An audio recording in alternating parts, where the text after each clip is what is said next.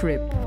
Hallo allemaal en welkom bij Roadtrip, de podcast op de digitale snelweg van Autofans, waarbij we elke twee weken een afrit nemen om te gaan sightseeën in het automobiele landschap. Ik ben Wim van Autofans en bij mij zit een goed gemutste Yves Wouters.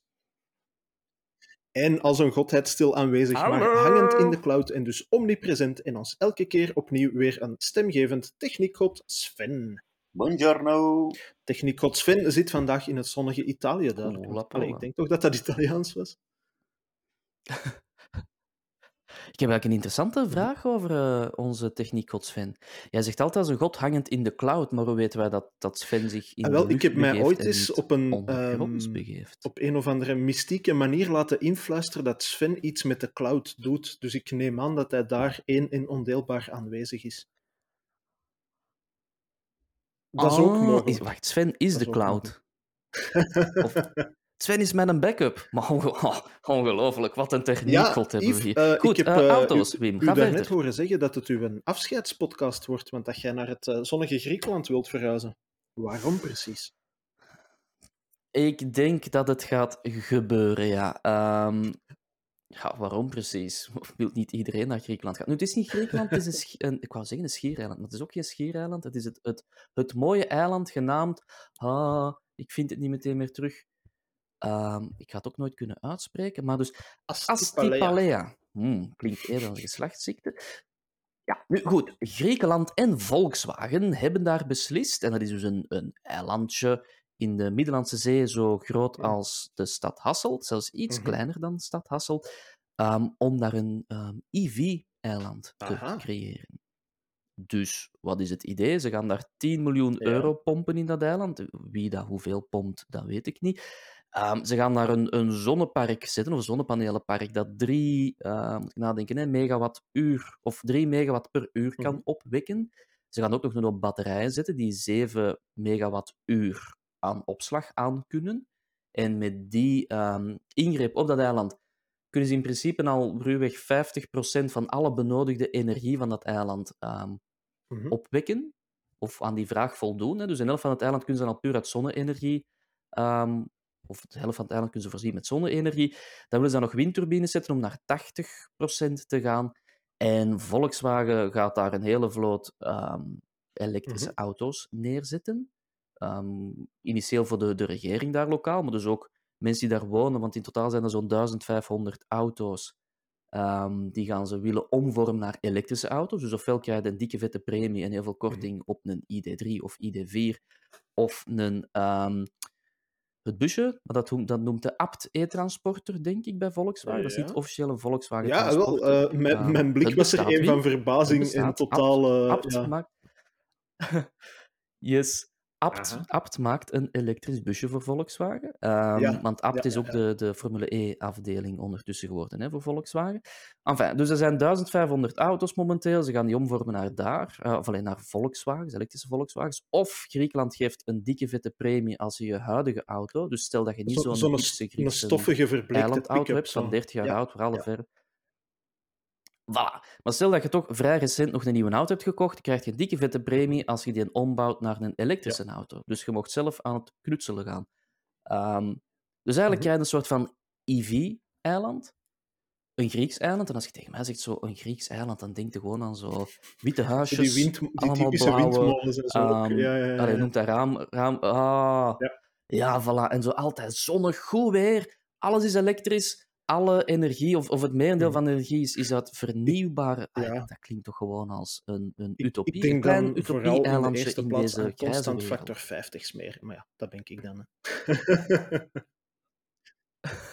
ja. Nee, Ja, maar het klinkt dat- inderdaad dat- wel ja, als een soort, zo- zo'n soort communeproject. Allee, Zo, ik denk dat je waarschijnlijk in de jaren 70 ook zo'n hele hoop van die, van die eh, idealistische eh, projecten had. Waar dat ze dan van zeiden van kom, wij trekken ons terug, wij gaan ons eigen dorp of onze eigen stad bouwen volgens bepaalde eh, principes. Zo klinkt het inderdaad Ja. wel. Maar het is wel iets interessants om te volgen, denk ik. Hè? Mhm, mhm. Ja, maar iets zegt, iets zegt mij dat is het nu Griekenland of Italië of Mhm. Spanje? Ik begin er al veel op te sommen. Hè. Ehm, en is het Volkswagen of was het Seat? Of een... Er is ooit al eens een Ja. concept, ik denk jaren 80, 90 geweest, dat ze zo'n utopie wouden creëren met Ja. alleen maar elektrische auto's op een eilandje. Ik heb er ooit eens over geschreven, heel lang geleden. Dus het is al wel eens geweest, met dat verschil dat er nu wel de Mhm. nodige slagkracht is. Waarmee dat ik bedoel, Ja. ze kunnen met zonnepanelen. Het zijn hier van die lood-acid-batterijen in omgebouwde. Ja, hè. ja, Ik bedoel, er zijn gewoon elektrische auto's. Ehm, de Griekse energieleverancier, of hoe Mhm. dat? Netbeheerder.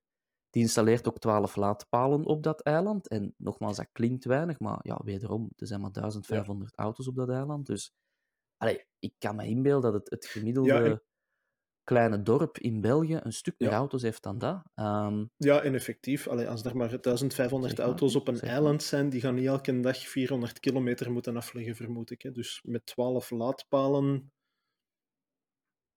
Klinkt weinig, ah nee, maar dat is, dat is letterlijk, om het, om het in, in vierkante kilometers te zeggen, dat eiland is, acht, het is 98 vierkante kilometer groot.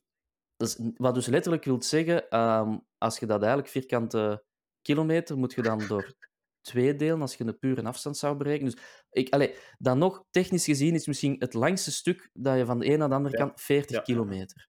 Ehm, en dan nog gaat dat niet kloppen, en dan nog is het merendeel van de wegen onverhard. Er zijn enkel een paar gecentraliseerde stukken aan het Mhm. strand, waar dat vakantiegangers komen, dat het wat uitgebouwd is. Dus volgens mij rijden de auto's daar gemiddeld, god weet ik het, 10 kilometer per dag? Het is dat. Ideaal testbed voor En- zoiets, toch?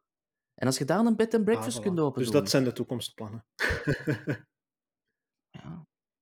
Goh, ik denk, als ik het zo hoor... En is het, is het heel Volkswagen dan dat dat zijn. project financiert? Of is het ook de Griekse regering die daar een deel mee geld in pompt? Of, eh, En dan moet ik het mopje van, ja, dat is de Europese Unie dan die dat betaalt. Dat wordt- hahaha, dat ga ik dan even onderdrukken. Maar ja, Hoe, dat- hoe, hoe dat je het ook bekijkt, het is... hoe dat Het zijn weer de Duitsers die de boel te komen redden. Als het Ja. nu van, of het nu van Volkswagen komt... Voilà. Of het nu van Volkswagen komt, dat waarschijnlijk massaal aan belastingsontduiking Mhm. doet, zoals elk groot eh, consortium, of van Griekenland, voilà. het is ons geld. Dus volgens mij hebben Dus we jij gaat allemaal daar gewoon 2000 zoals een Joodse gestoken. Dus dan kun je er toch even gaan wonen. Dat heb ik niet gezegd, maar ik heb wel meer recht op een woning daar dan de gemiddelde Griek, denk ik. Maar goed. Ehm, nee, allee, het, het idee... Ja, het- het is, maar zo- ik, allee, ik heb het ook wel van. We zijn het daar net een paar keer van, zo die, die utopische projecten uit de jaren 80 en 90 en de jaren 70. Ik heb het daar wel. Allee, er wordt altijd Ja. over de familie Bervoets gezegd van jullie zijn toch eigenlijk een hoop naïeve idealisten bij elkaar. En, en ja, wel, ik heb dat ook wel. Als ik zo'n projecten hoor, denk Mhm. ik van, god ja, dat klinkt wel tof. En dat, dat klein stemmetje in mijn achterhoofd dat dan zegt van, ja, maar denk daar eens aan, denk daar Ja. eens aan, of is dat wel haalbaar, en weet ik wat nog allemaal, dat zit heel ver in mijn achterhoofd. Dus ik ben altijd wel gecharmeerd door dat soort projecten. Ja, Dus ja, ah, wel, een, Ja, dat is. Ja, maar plus als je, als je alleen maar luistert naar die, naar die, naar die kleine Na- naar de stemmen in je hoofd, achterhoofd, ja. of, of al de vragen die erbij gesteld worden. Als iedereen dat doet, nee, tuurlijk. dan komen we nergens gewoon. Hè. Als iedereen zegt van, maar dat lukt niet, ja, je hebt visionairs nodig. En het is in de Ja. jaren 80 en 90 niet echt gelukt. Mhm. Misschien deze keer wel. En dan is dat maar op één eiland, al worden dat tien eilanden. Stel je voor dat er gewoon een paar eilanden zijn die dat kunnen, die volledig Tuurlijk. op groene, hernieuwbare energie kunnen leven, met elektrische auto's lokaal. Ik denk, Mhm. als je dat goed speelt en de Mhm. luchtkwaliteit wordt er niet beter op, alhoewel we allemaal pretenderen dat dat wel gaat gebeuren de komende twintig jaar, laat ons hopen, ja, dat worden de nieuwe Monaco's hè, van deze wereld, waar de, de superrijken nog Ja, naartoe gaan om überhaupt Ja. een beetje goed te kunnen inademen. Dus je kunt er best nu een bed and breakfast open doen. Dat is al dat ik zeg. Dat is al van dat ik zeg. Volkswagen gaat. Enfin, dus tot... Ik heb wel mezelf voorgenomen dat ik dit project, ehm, ik ga Volkswagen ook op de hoogte brengen, Ja. dat ik dit in het oog wil houden. Dat het niet zoiets is van, je hebt er eens één persbericht over geschreven en dan hoorde daar niets meer van en dat dat sterft een stille dood. Want als het een stille Ja, dood sterft, wil ik ook weten waarom. Omdat ik het eh, te interessant vind, gewoon. Punt. Ehm, dus tot zover mijn, mijn Grieks uitje eh, van deze week. Nu, Wim, ik ga Mhm. eens de vraag omkeren deze week. ehm, of twee weken, of om hoe vaak de podcast ook gelanceerd worden. ja. Wim, met wat heb jij deze week al gereden? Of met wat heb je gereden? Of met wat rij je? En Ah, wat vind je... Ehm, ik heb, ja, ehm, we zijn vandaag donderdag, hè? Eh, ik heb dinsdag de Subaru Outback teruggebracht na een, een weekje. Eh, nee, ik ga geen boompje opzetten over. ah, wel, utopische ik auto's ga geen boompje opzetten over de Subaru Outback, hoewel ik het heel graag zou willen doen. Maar om een beetje in, in de sfeer van Zuiderse landen te blijven, ik ben de Cupra Leon Mhm. gaan halen. De vijfdeursversie, dus eh, de niet-plug-in hybride, want die Oh, hebben we ja, een tijd geleden al geprobeerd. Maar dus de, de Golf GTI, allee, tegenwoordig is dat al de GTI Clubsport, eh, maar dan met een tribal logo van voorop. Want die Leon zit aan 300 pk. En heeft dat... Ehm, en ja, ah, wel, ja, ik, ja, ik heb En? nog altijd moeite met het, ehm, de visuele stijl van heel dat Cupra-verhaal, met een tribal. Vooral omdat ja, je hebt zo tegenwoordig die, die mode van, zo van die projectortjes in je spiegels te steken, hè, dat het logo op de grond wordt geprojecteerd. Het is zo een beetje alsof dat Batman wordt opgeroepen, Mhm, zo, mhm, mhm. met dat tribal logo dat dan zo wordt geprojecteerd. Maar ja, en dat, dat koper of dat brons of zo, die oranje kleur, dat hoeft niet voor mij allemaal. Maar Klinkt toch cool? eigenlijk is dat wel een heel toffe auto. Dat is... Ik, ik, volgende, week, En- ah, wel, volgende week kan ik het pas Ah, vergelijken wel, met de GTI vragen, want Clubsport, en maar met de hè, gewone GTI heb ik het gevoel van de, de Cupra is Mhm. iets discreter, bizar genoeg, los van het visuele dan, maar gewoon van, van ietsje veelzijdiger en ja, scherp eigenlijk, verrassend scherp Ja. om te rijden. Dus ik vind, het, het heeft wel een zekere charme, absoluut.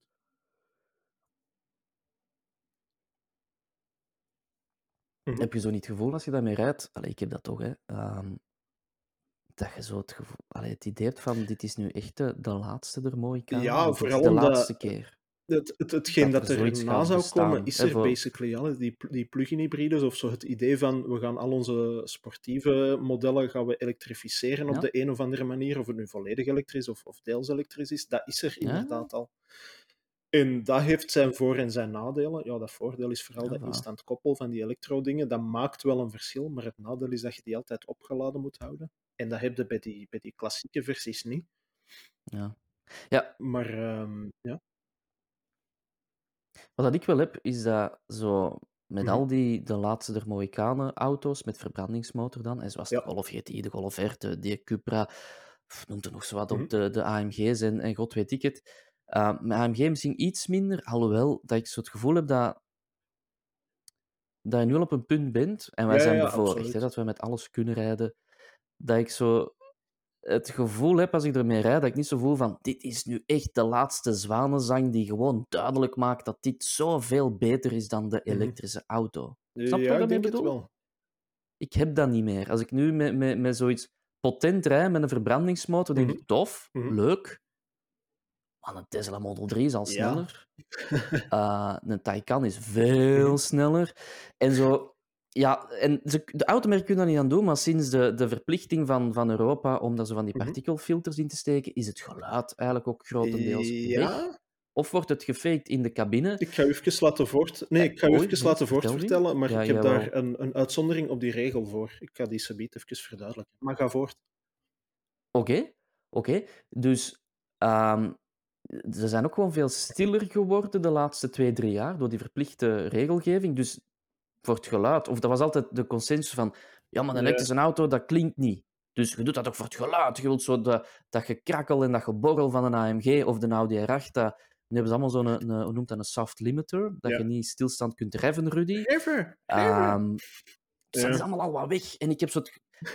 Reven, kom maar! Reven, control! Dus eh, bij mij is die, die emotie van die, van die auto's grotendeels weg. En dan denk ik ook van ja, de, hoogdagen voor mij zijn ze wat voorbij van, Mhm. van die auto met verbrandingsmotor. Ja, ja, zijn, zijn sneller dan ooit, hè, daar niet van. Hè, maar qua emotie, Ja, ja. Ah, wel, maar ehm, het is toevallig omdat maken, ik daarnet de, het artikel gemaakt heb voor, eh, voor onze, onze ja, laat ik het een partnersite noemen, of onze opdrachtgever bij Autoscout. ah, wel, voilà. Zeg maar dat wij Autoscout24 ook Ehm. beheren, de content. Dat mag geweten zijn. Ja. Kerf, hoe heten ze? Jullie mogen dat weten. Ehm, Ga wel, ik heb daar net het artikel gemaakt, maar ik ben eh, vorige week in eh, Lommel bij de testterreinen van Ford met die nieuwe Mustang Mach-1 gaan rijden. En ik had daar op voorhand een beetje schrik voor, omdat Mhm, de mhm, laatste keer mhm. dat ik met een Mustang gereden heb, is, ehm, ik denk, twee jaar geleden ongeveer. En dat was zo vlak voor al die nieuwe partikelfilters en vlak voor al die, die nieuwe normen, dat die echt verplicht waren voor alle nieuwe productiemodellen enzovoort en zo verder. En ja, zo'n atmosferische V8, je hebt natuurlijk wat schrik wat dat, dat gaat doen als Mhm. dat ineens ook aan al die normen moet beantwoorden. Maar ik heb daarover goed nieuws. Die Mustang Mach-1, die klinkt echt Ja. exact zoals daarvoor. En ik weet het, dat is een uitzondering, want... Ja? Maar waren daar geen... Waren daar geen Nee, twee nee, versies nee, nee. Een Amerikaanse Ehm, ze en een hadden dus de Mustang Mach-1 zoals hem bij ons wordt verkocht. eh, en Ah. dat is dan ofwel met een manuele zesbak ofwel met een 10-trapsautomaat. Ja. Ehm, en heel even een zijsprongetje, die manuele zesbak Ja. wordt in België gemaakt, bij Tremec. Dat is een van oorsprong Mexicaans bedrijf, maar die hebben een hele grote zetel in België. Dus dat zijn gewoon mensen van bij ons die dat daar gaan werken. Ehm, Mhm. Gewoon simpele, een mensen van bij ons. enzovoort. Ehm, Ga verder. Maar ze hadden ook de Dus Shelby Amerikaanse GT500 gehaald. En dan de dat is Amerikaanse een auto die bij ons niet wordt ingevoerd. En ja, dat is natuurlijk nog een andere Ah. categorie, want daar zit een compressor op, dat zit aan 5000 pk. Ehm, daar, allee, bij wijze van spreken, die moeten ook minder rekening houden met decibels en partikelfilters I en weet ik wat, de andere uitstotten. Dat klinkt echt Dus dat- dat klinkt nog echt wel een stuk als daar, allee, als of- Ah, daar in Lommel mee werd geaccelereerd en iemand ja. in, laat ons zeggen, Lier had gezegd van, zeg man, ik kan dat niet wat stiller, ik had hem geloofd. Hè. Dat is echt, ja... Maar dat was inderdaad wel, dat was een heel andere Episch, machine. Dat is echt episch, gewoon episch. hetgeen dat je daarvan verwacht van als zo'n compressor zijn werk doet en, en je, je neemt je bocht iets te overenthousiast en je duwt dan te vroeg op het gas, ja, dan kunnen Mhm. we beter heel snelle reflexen hebben. En laat ons duidelijk zijn, ik heb die niet. dus heb ik hem op het testterrein achterstevoren geparkeerd? Misschien.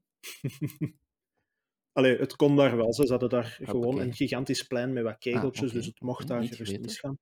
Ehm, maar dus de, de, de Ja, ja, 1, ja, dus de, Mustang die bij ons wordt verkocht, dat is echt gewoon effectief een Mustang zoals daarvoor, met de soundtrack die je daarvan hoopt dat die heeft, die is er dus nog altijd wel.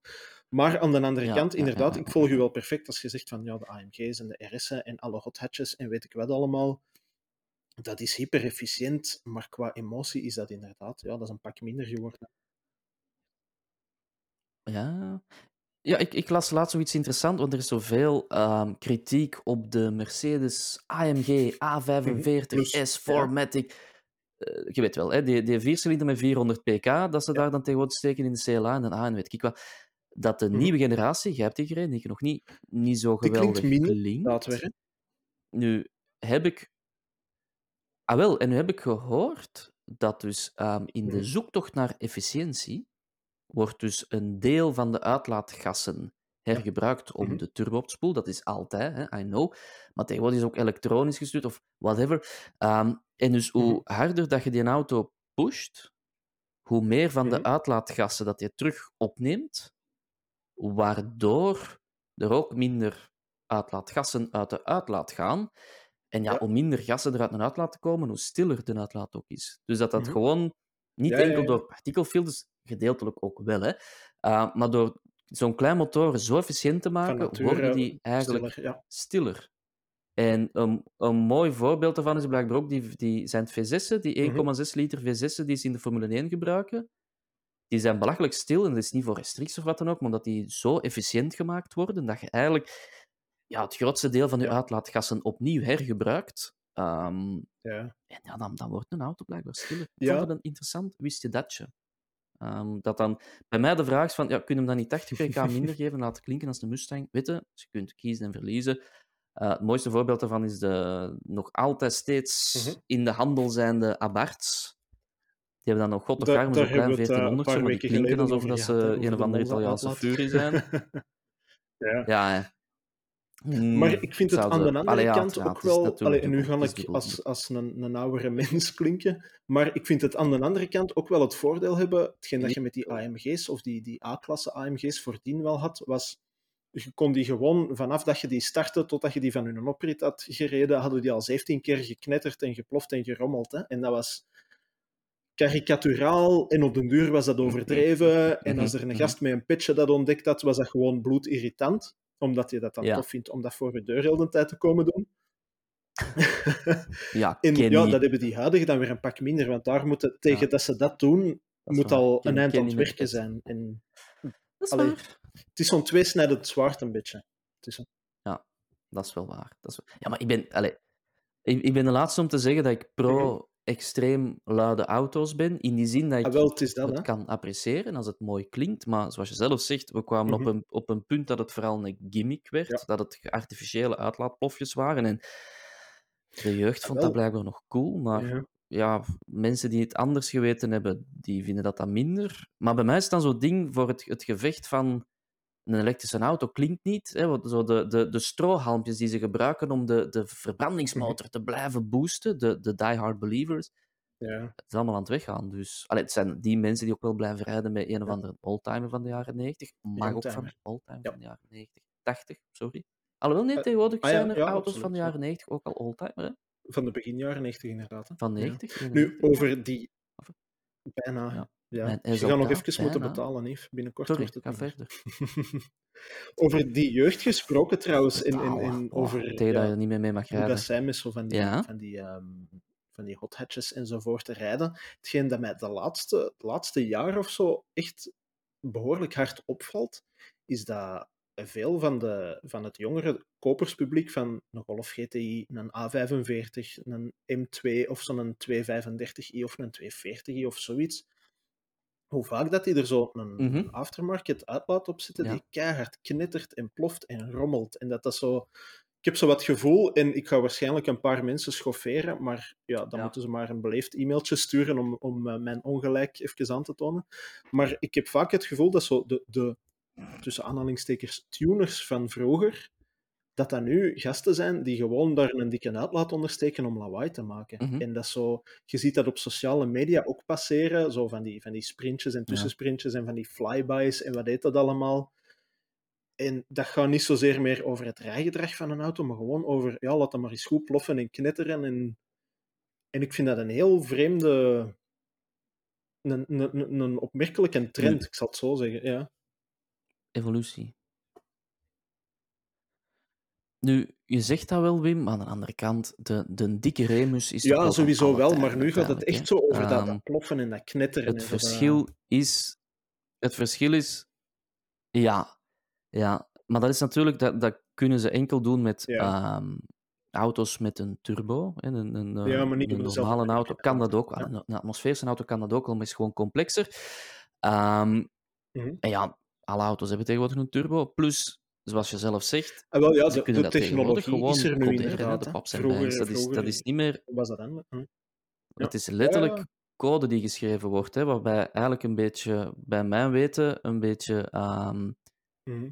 benzine Ja. in de uitlaat wordt gedumpt, waardoor dat, ontploft. En die ontploffing geeft die plof, Ah, logisch.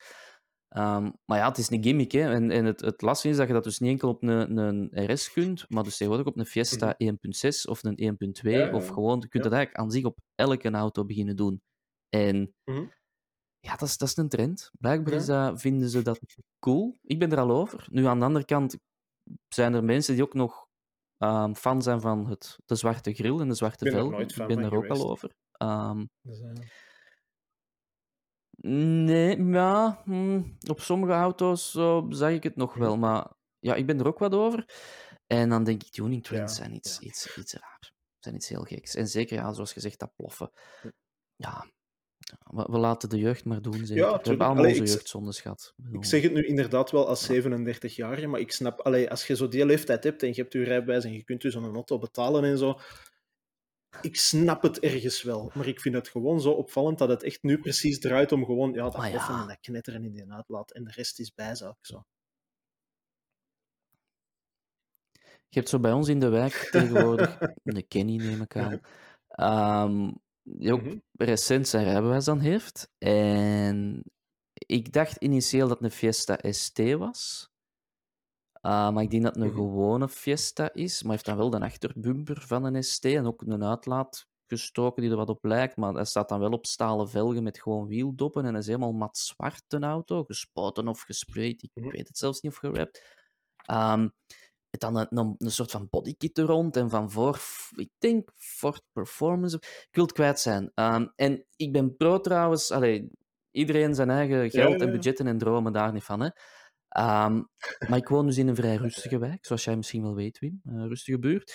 Waar dus letterlijk drie auto's per dag passeren, als in twee auto's Mhm. en één keer de post.nl. Ehm, maar dus, ja, die komt hier doorgereden, alsof het hem de rally aan het rijden is van Heist op den Berg. Hè. En dan denk ik ook van, ah, waarom moet dat? Waarom moet dat dan? Ehm, en dan, hij, hij ploft Breng, nog breng hem niet op ik ideeën. het niet te laat zeggen. Het kan gevaarlijk zijn, maar... Ah. Hij is eerst zijn visuele tuning aan. Dat is ook zoals ik ga wandelen met de hond in het weekend, dat, dat altijd als ik daar passeer, dat de auto helemaal uit elkaar ligt, omdat hem zo... Ik weet het niet. Een nieuwe subwoofer aan het steken is, Dat of, was, of dat een was die nieuw PostNL die dan door de straat dan denk ik, komt allee, aan een nieuw zich onderdeel tof, hè. brengen dan of zo. die, die komt, eigenlijk moet ik hem tegenhouden en zeggen, niet meer lever dat. Maar Ja. dat is van, van Ja, ja. alle tijden en overal. Ik was vorig weekend ehm, naar, naar de Mhm. mondaine Ardennen geweest, ehm, in een of ander klein dorpje. En daar was een man, ja, heel, de tijd, heel dat weekend dat wij er waren, en ik passeerde daar, want wij zijn heel veel gaan Mhm. eten, want de restaurants zijn terug open. Ehm, als ik daar voorbij wandelde, was hij aan het werken aan zijn oude Mercedes, ik wil het kwijt zijn, een oude coupé, maar zo, het is eigenlijk de S-klasse coupé, maar voordat dat die naam had. Dus is dat dan zo'n, hoe heette dat toen? Een 300 Zijn dat- zijn dat SE zo of die- zoiets. ja, zo, die dingen zo zonder B-stijl? Jaren Allee, 90 zo. zo- Nu, Met een B-stijl en dan zo de, de gordeldingen die Ja, als ja, ja, soort zo bult in ja. de zijraad zitten. Ja. Ja. Ja. Ja. Ja. dus eigenlijk de mega vierkante S-klasse, maar dan de coupé-versie van, maar toen heette dat nog niet een S-coupé. hè. Eh, met dan zo van die chrome wielbogen rond de, de wielbogen, hè, zo verbreders. En zo, ja, de auto was zo afgeleefd als iets en dan van voor wel zo een stuk eruit. En, maar zo, allee, je zag dat dan, dat was zijn trots, hè.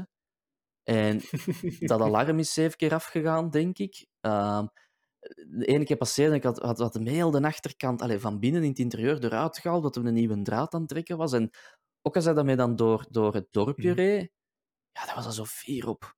En het was, het was wel geen gewone V6, het was gewoon ja. een, ja, een V6 of een V8, Ja, dat weet ik. Maar die auto was echt afgeleefd, aftans, hè, van binnen ook. Als ik dat zo zien kreeg, dacht ik, mijn god, dat zou een auto zijn die Yves koopt om een een of ander project van te doen. Zo, hè.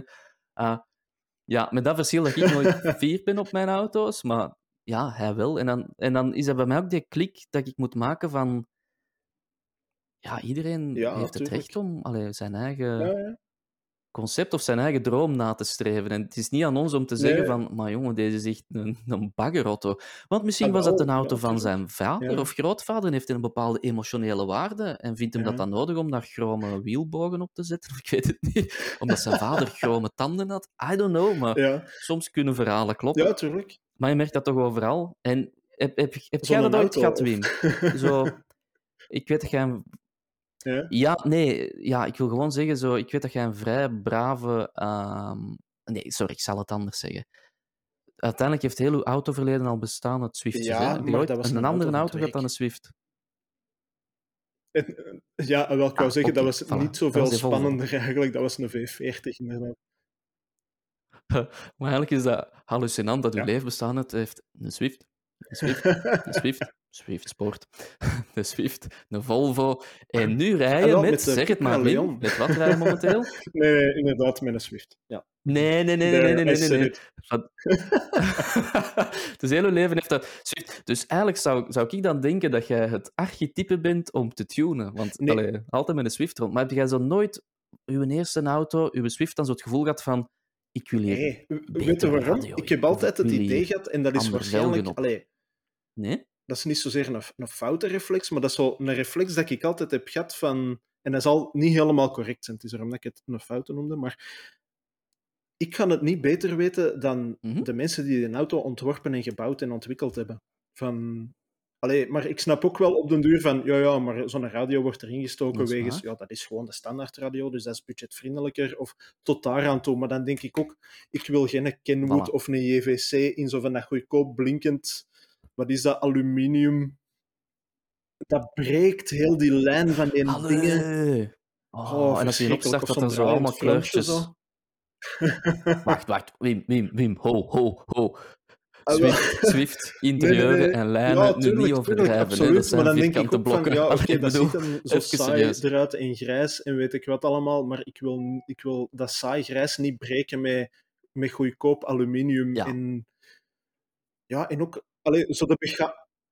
Nee, eigenlijk Maar ja, als muziekman zo nooit Echt gedacht van... weinig. "Hmm, Ik denk, ik denk altijd wel van, stel dat ik toch een nieuwe of- auto koop of bestel, van Of de daar geef ik wel met plezier meer geld aan uit. Aan, aan een betere, als ik zeg, ik zeg maar iets, ja, een, een, een Harman Kardon aan een goede of, radio. eh, weet ik wat, als dat in de lijst staat, ik zal er waarschijnlijk wel met plezier Ja. geld voor opleggen.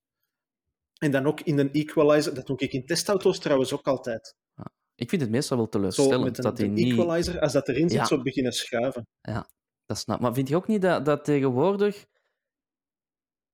Ja, maar vind jij zelf ook niet dat, hoewel dat er... Tegenwoordig hebben de meeste, zo een, een, zoals gezegd, een, een Hartman karton. Blijkbaar is het allemaal, Amerikaans een- trouwens. een, ik eh, zeg altijd um, wat is er nu? Maar Sonos? Er zijn er zo'n paar, Harman hè? Kardon.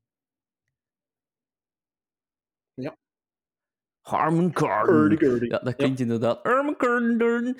Ehm, wat ik dan straf vind, als je zo'n optionele, of optionele, de betere stereo hebt, hè, dat wat Mhm. meestal het geval is in de perswagens die wij rijden, en je gaat naar een equalizer, dat je meestal enkel de bas en de treble kunt aanpassen en niet de mid-range. En dan denk ik, allee mannetjes, dat, dat is toch, hoe kunnen nu maar... En, en de software is daar toch? Ja, want je ja, kunt zo van die presets en jazz inderdaad, en rock, Ja. dus sowieso wordt met die mid ook wel... Ja, maar dan denk ik, hoe kunnen we die, die mid-tone niet aanpassen? niet dat ik weet hoe dat je dat moet doen, hè? daar niet van. Maar dan denk ik, stel dat ik 3000 euro zou bijbetalen en ik kan enkel de bas aanpassen en, en de, de, Mhm. ehm, de treble, dan denk Ja. ik ook, ja... Allee, dus ik, ik Ah, vind wel, ik vind het, zo wat... Ik wou er nog twee dingen over zeggen. Mm. Enerzijds, ik vind het heel jammer dat hem niet mocht van Hoge Rand, maar eh, ik had heel graag, ik kan er ineens een shout-out naar doen, de Piet Andries is gevraagd voor onze podcast. Gewoon omdat dat een waanzinnige muziekliefhebber ook is. En die heeft een Ja. paar jaar geleden een heel tof artikel gemaakt over mhm. autostereo's. Van, hij is ervoor naar... Ik wil het kwijt zijn. Hij moet mij maar corrigeren als het verkeerd was, maar ik wil zeggen Pascal de Wezen, zo'n muzikant, naar zijn studio geweest en die is dan mee in al die auto's komen zitten en die is dan komen zeggen van Mhm. dat is een hele goede autostereo, want dat en dat en die muziek klinkt zo. En ik denk dat uiteindelijk een Fiesta of zo een van de betere stereo's had. Tegenover een burgemeester van Mercedes of weet ik veel. Ehm, Ja, maar ik heb het hem eens gevraagd. Zo hoor ik dat ook in mijn wijk tegenwoordig, Voilà. ja, dat de Ehm, Fiesta de maar ik heb het hem eens gevraagd, maar hij mocht niet van hoge rand. Goed, eh, ga met verder. Ja, je hebt hem eens gevraagd. Eh, on the record. Dus eh off the record mag hij zoveel als hij wilt, uiteraard. Ah. Maar Nochtans zijn Ja. wij toch gewoon... Nochtans zijn wij toch gewoon een zelfhulpgroep. Eh, hè? en het tweede Dus wat ik er nog over wou zeggen was. Misschien moeten we ehm, hem anoniem... Ja, ik vind dat heel cocky van mezelf. maar ik, check zo, of ik stel zo van die, van die Mhm. stereo's altijd in met mijn eigen muziek. We zijn zo met ons bandje een paar jaar geleden eens in een studio gaan opnemen. We hebben een, demo opgenomen.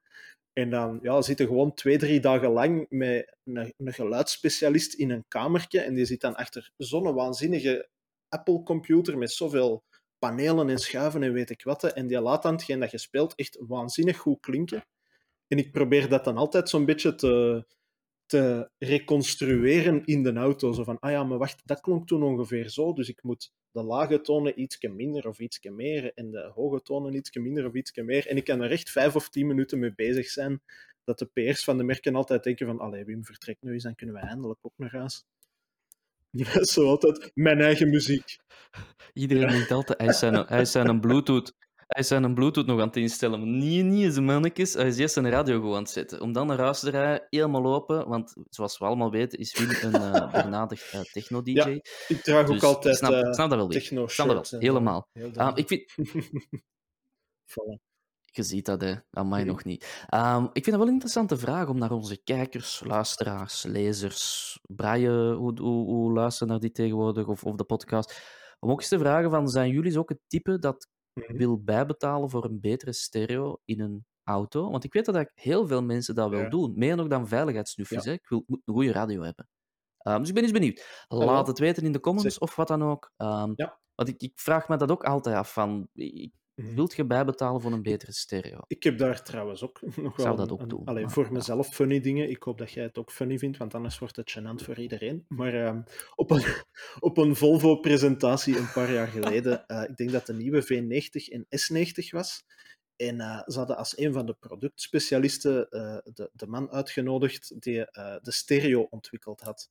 En dat was dan ook, ik vermoed, een Bang Olufsen in, in de grotere Volvo-modellen. Ik denk in de kleinere, zo de XC40 en zo, is dat ook een Harman Kardon. Harman Kardon, sorry. Maar in de grote is dat dan zo'n Bang Olufsen met dat Hm. klein tweetertje op het dashboard enzovoort. En die was daar heel trots op en die was erover aan het vertellen tijdens een diner enzovoort. Ehm, omdat er ook zo presets in zaten van eh, de concertzaal van Göteborg en weet ik wat nog allemaal. En eh, die was daar heel enthousiast over bezig. En hij zei, weet je wat, anders Ja. moeten we het subiet na het eten nog eens even proberen. En dan kan ik u dat, want ik vond dat dan heel interessant, dan kan ik u dat eh, in detail nog eens allemaal laten horen, wat je er allemaal mee kunt doen. Ik zeg, ja, dat is goed. We zitten dan na de dingen in de auto. Eh, en hij zegt van, weet je, koppelt u een telefoon even en probeer het gewoon eens met uw eigen muziek. en dat was zo'n hele keurige, brave mens. En ik zeg zo, ja, ik wil dat gerust doen, maar dat is wel op eigen risico als je dat geen probleem vindt. Ja, ja, maar doe maar. En we draaien dat eens goed open enzovoort. En dan zelfs op hoge volumes en zo. Dus ja, here goes nothing. Telefoon aangesloten. En dan zo, ja, ik weet niet wat ik toen naar aan het luisteren was, maar het was waarschijnlijk een of andere een hele schreeuwerige hardcore punkband. Hij zegt waanzinnig luide gitaren, luide drums. En die mens zat er zo half in shock, maar Hm? proberen zo zijn, eh, zijn gezicht uitgestreken te houden en te zeggen van ja, ja, ah wel, maar je ziet dat dat werkt en allee, we zullen het dan nu toch maar eens we zullen het dan nu toch Zit maar eens nou luider alstublieft? draaien. Dus ja, kijk. Satan, Satan. Oh, maar ah, ah, dat is toch een, een, een De, Zweeds... de, de eh, persoon in was een. Zweed. eh, ja, ja, dat was een Martin nog iets. Ja. Ah, maar Die- die, die, worden, die worden dat die toch worden- allemaal opgevoed? Ah, wel, die in, worden in zo van opgevoed die met death metal, death metal eh, en zo, dat is typisch? metal en, en van die anarcho-punk enzovoort, inderdaad. Ja. Oh. Voilà. Kijk, kijk Wim, Nee, dat is- dat is Noorwegen. in Daar- brand gestoken Daar moet ik u even Dus corrigeren, Yves. wel Dat is zo Noorwegen, extreem. dat is want- niet Zweden. Voilà. Ah. Oké. Ah, wacht. Is, ligt Zweden Nee, in dat ligt in de buurt van een Grieks eiland. voilà. Oh. Nu, over Zweden ja, gesproken, om, even terug Ja, aan te dat- knopen ja, met de actualiteit. Eh, jij had gisteren Ja. ook de, de nodige ergernis over een eh, door Zweden uitgestuurd persbericht hè, over de nieuwe Volvo C40. Waarom had ik ook Nee, ik, de ik nodige had wel eens ergernis? ergernis. Ik heb nog geen Allee, ergernis. Ik, heb al een ik geweldige schier aan koffie hem. en milde irritatie. Ah, ik op. Ja, oké. Ik kan het net zeggen. ja, ehm, ja dat, dat, dat was een beetje een raar verhaal. Hè. Ehm, Volvo heeft twee, ik weet niet dat jij ze ontvangen hebt, Mhm. twee persberichten uitgestuurd over Ja. hetzelfde onderwerp eigenlijk. Ehm, waarbij dat ze insinueren dat de C40, en dat is dus de, de XC40 kennen we allemaal, maar dat is tegenwoordig ook een coupé Mhm. afgeleide, dus de crossover coupé, de C40, ehm, dat dat een nieuwe, ehm, oh, dan moet ik zien dat ze het officieel gezegd hebben, hè, maar dus een, een, ehm, een soort van future classic zou worden. Ehm, ah, op, wacht, hè. Een, ik, nee, nog beter. Een, een, een, eh, een icoon. Een toekomsticoon. En ze gaan naar, eh, schrijven, we binnenkort, schrijven binnenkort opnieuw geschiedenis. De Volvo C40 Recharge. En dan zegt Volvo dat hun C40 Recharge, want hij is dan enkel Mhm. elektrisch, ehm, een duidelijke referentie is naar de P1800 van Weleer. En mensen die aan het luisteren zijn, hebben geen idee wat de P1800 is. Dat is zo'n Een een, coupé, een, hè? een coupé van de jaren, eh, dat ik het juist zeg, 60 jaar oud. Dus dat is van de jaren 60. Zo die typische, als ze zeggen, zo die oude Volvo coupé, zo na de Amazon. Hè? Want je gaat eerst nog de Amazon, dan is een P1800, was zo'n sportief coupé, een beetje zoals een Triumph, weet je dat, TR5, zo achtig? Zo die, Ja, dat- kind ja, van die periode. Voordat Volvo eigenlijk echt ehm, Lego-blokken is beginnen maken. Voor veel mensen een van de mooiste ehm, classic cars Mhm. ooit. Op het niveau met een 300 SL en god weet ik wat. Ehm, ja, en ik vind het dan gek dat je als automerk, die viert dus dit jaar zijn 60ste verjaardag, want die is inderdaad gelanceerd in 1961. Ik was erbij. Ehm, en dan, ja, ze vieren die verjaardag door er een crossover coupé bij te halen en te zeggen van, allee, kijk, dat is toch duidelijk een opvolger. En we vinden ook, als we een opvolger moeten maken voor een auto, dat we niet moeten vasthouden aan de waarde van toen, maar dat we moderne interpretatie... Dus volgens Volvo is de moderne interpretatie van een tijdloze, mooie, sierlijke Mhm. coupé, tweezitter. Ik denk dat het een tweezitter was. Een 2 plus Een 2 of zo, uit de kluiten gewassen crossover coupé, wat dat dus eigenlijk, een, zoals ik altijd zeg, een, een, een crossover coupé of een SUV-coupé is eigenlijk gewoon een SUV of crossover met een kofferhandicap. Want je koopt een crossover of een SUV om een grotere koffer te hebben en dan knipt je daar een stuk af die 2 ton weegt, of 2 Ja. ton 2 of 2 ton 3, ik wil het kwijt zijn. Dat moet dan de spirituele opvolger zijn. En zoals Volvo het zelf ook zegt, want de smaak van klanten verandert doorheen de jaren. En dan denk ik, nee, sorry, nee. Want je weet, heel mijn gevoel Mhm. achter crossovers, dat is een self-fulfilling prophecy. Als je alleen maar crossovers aanbiedt, gaan mensen alleen maar crossovers kopen. En dan kun je inderdaad als merk zeggen, mensen kopen alleen nog maar crossovers, dus we maken meer crossovers. Dat is een visieus cirkeltje, waar dan niemand om gevraagd heeft. En we moeten daar dringend mee stoppen. En ik vind het allemaal niet erg, maar als dan nog, als dan nog Volvo durft zeggen dat een C40 de spirituele opvolger is van de P1800, dan denk ik, zoals een collega-journalist het heel mooi zei, dat Volvo zelf niet meer weet wat Volvo eigenlijk juist is. Als we nu een soundboard hadden, had ik nu op de applaus dat verhaal. geduwd. nee, ja, ja, ja. Nu, neem het niet weg, er zijn toffe Volvo's, hè? Ah, wel. daar niet van. Hè? Maar ja, weet, Vol, weet Volvo, ik vond dat een heel mooi. Wacht, wie, wie, heeft, wie heeft dat gezegd gisteren? Ehm, Johan Dillon, onze goede collega en vriend. Ik denk dat Johan Dille, echt topkerel, Die kent absoluut iets met- van classics, classic. Die, die, mens, die mens leeft het leven dat ik wil leven. Ehm, ja, die, die zei het ook heel mooi. Hè? Volvo weet eigenlijk zelf niet meer wat dat Volvo juist voor staat. En dan denk ik, eigenlijk is dat wel. Want als je aan Mhm. mensen vraagt, wat is nu een Volvo? Dan denk ik dat de meesten toch nog altijd zeggen, groot. Dat is vooral ruim. Dat is zo met een grote kof. Dat is een Lego-blok Ja. op wielen. En, en die hebben ook altijd wel veiligheid gedaan. Maar ik denk dat in het collectief geheugen de meeste mensen niet naar die Mhm. veiligheid eh, leunen. Omdat, je mocht ruim of kennen wat je wilt, niemand is eigenlijk geïnteresseerd Ja. in de veiligheid van ja, ja. auto. Omdat dat niet sexy is. Mega Mhm. belangrijk. Niet sexy om te verkopen. Net zoals banden. Ja. Maar altijd, ja, maar Volvo, dat is een grote auto. Hè? En nu zijn we op dat punt aan het komen dat Mhm. Volvo's niet meer de grootste koffer hebben. Dat ze dan ook nog eens een coupé SUV of crossover lanceren. En dan, dan krijg ik al helemaal de Ja. bubbes. Want ja, wat... En Allee, dan, ja, en, wat- ja. ik vind het zonde. Ik vind het zonde. Want als ik dan een V90 is- zie, kom ik wel altijd tot rust. Maar dat is dan ook weer niet meer de, de grootste brek van, van, van een zijn segment. Hè. Dat is wel een hele schone Nee. auto, ja, maar Nee, inderdaad. nee, het is een hele mooie auto, maar het, Nee, nee. Maar het is niet Ja, de Lego-blok Maar op wielen. ja, ik heb... ehm, Maar, mm, Wat dat Ja. Volvo wel heel goed doet, vind ik, de laatste jaren, is communiceren. Allee, communiceren in de zin van. Die, die ehm, communiceren heel slim. Die zijn nu ook met die, die reclame tegenwoordig op tv van de ultimate safety test van die auto. Dan zo, climate change is de ultimate safety test, weet Ja. ik wel nog allemaal. Ja. Ze verkopen dat als vanaf vandaag gaan we alleen elektrisch. Maar basically hebben ze alleen maar de XC40 P8 AWD Recharge en de C40, die vanaf nu zelfs bij ons nog niet te koop is, want Ja. het is eerst nog in andere landen. Dat zijn momenteel de enige elektrische voilà. modellen die ze hebben. En voor Ja, de rest, ja, heel veel ja. milde hybrides en plug-in hybrides enzovoort. En heel veel diesels afgeschreven. Dus, maar ze verkopen dat wel heel goed. En een paar jaar geleden hebben ze dat ook heel strategisch verkocht met wij maken binnenkort alleen nog maar eh, elektrische modellen of weet ik wel allemaal. En er was heel veel rond te doen, want iedereen sprong erop van wow, kijk eens, maar als je daar tussen de regels las, las je gewoon van ja, wij doen gewoon nog een paar jaar voort zoals we bezig zijn. Maar over een paar jaar gaan we wel iets veranderen. Maar de manier waarop dat ze dat verpakken, die, dat pakken ze altijd heel slim Ja. aan. En dan ga ik zelf even eh, nog voort blijven ranten. Sorry, Momenteel Yves, maar heeft- had even moeten wachten.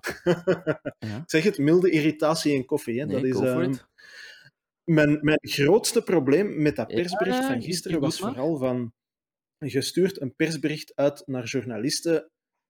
Allee, stop dan met uw eigen dingen al meteen als iconisch te bestempelen. Allee, wij kijken daar toch... Allee, ik mag het hopen dat iedereen van onze collega's daar toch los voorbij kijkt en zegt van... weet wat je bedoelt. Formuleert gewoon in een, in een droog en neutraal opgesteld persbericht wat dat we moeten weten en wilde een reclametekst maken, stuurt dat uit naar uw klanten, stuurt dat uit naar uw dealers die het moeten verkopen. Maar allee, wij moeten hun auto's niet verkopen. Hè? Dus ik vind dat een beetje balzie om te denken van, oh, we sturen dat uit naar journalisten en die gaan dat wel overnemen. Er gaat er wel ene zijn die schrijft van, oh ja, C40 wordt iconisch model. Allee. Daar... Ja. En dan nog, nog twee berichten. ja, ik heb dat zes keer aangehad of zo, maar... Dus letterlijk, ja. het, uh, op, op een minuut na elkaar op een minuut na elkaar was het eerst was het Volvo C40 Recharge op weg naar de toekomst met een op een icoon geïnspireerd designelement. Een minuut later zien we Volvo binnenkort geschiedenis schrijven, de nieuwe Volvo C40 Recharge. Twee verschillende teksten daarin, die eigenlijk wel hetzelfde bevatten, maar dan toch in andere hoofdstukken, allee, um, alinea's geschreven, dat ik ook denk van... Is deze toch een fout? Allee, een soort van communicatie, vertaling, dat er is geld en tijd... Enfin, ja, maar ik, snap wat je bedoelt, want wat, wat dat veel mensen niet, niet, niet doorhebben, is dat Porsche op dit moment evenveel elektrische auto's heeft als in aanbod, in line-up, dan Volvo. Meer nog, Porsche heeft technisch gezien meer. Want de C40 is eigenlijk maar een afgeleide van de XC40 en wordt nog niet verkocht. Terwijl dat je bij Porsche wel een Taycan en de Taycan Cross Turismo, als ik het juist zeg, kunt kopen. Dus technisch gezien verkoopt Porsche, of heeft Porsche een groter aanbod EV's dan Volvo, dat zelf pretendeert elektrisch te zijn. Of alleen, hè, elektrisch gaan. En ik weet ja, het. En ik, ik snap het ook ergens wel waarom dat merken het doen. Zo, van, van waarom dat die zo'n persberichten opstellen, dat halve reclameteksten zijn. Want het is uiteindelijk aan ons om, om het kaf van het koren te scheiden en, en de essentie van de verpakking te halen. Hè. Mm -hmm. Maar ja, ik, ik denk dat toch soms echt als je van die persberichten binnenkrijgt, van ja, sorry, maar deze is gewoon een reclametekst. En ik, ik snap dat ja, de merken moeten hun modellen verkopen. Het is, het is op ook welke gewoon... manier dan ook. Dat snap ik ook perfect. Maar...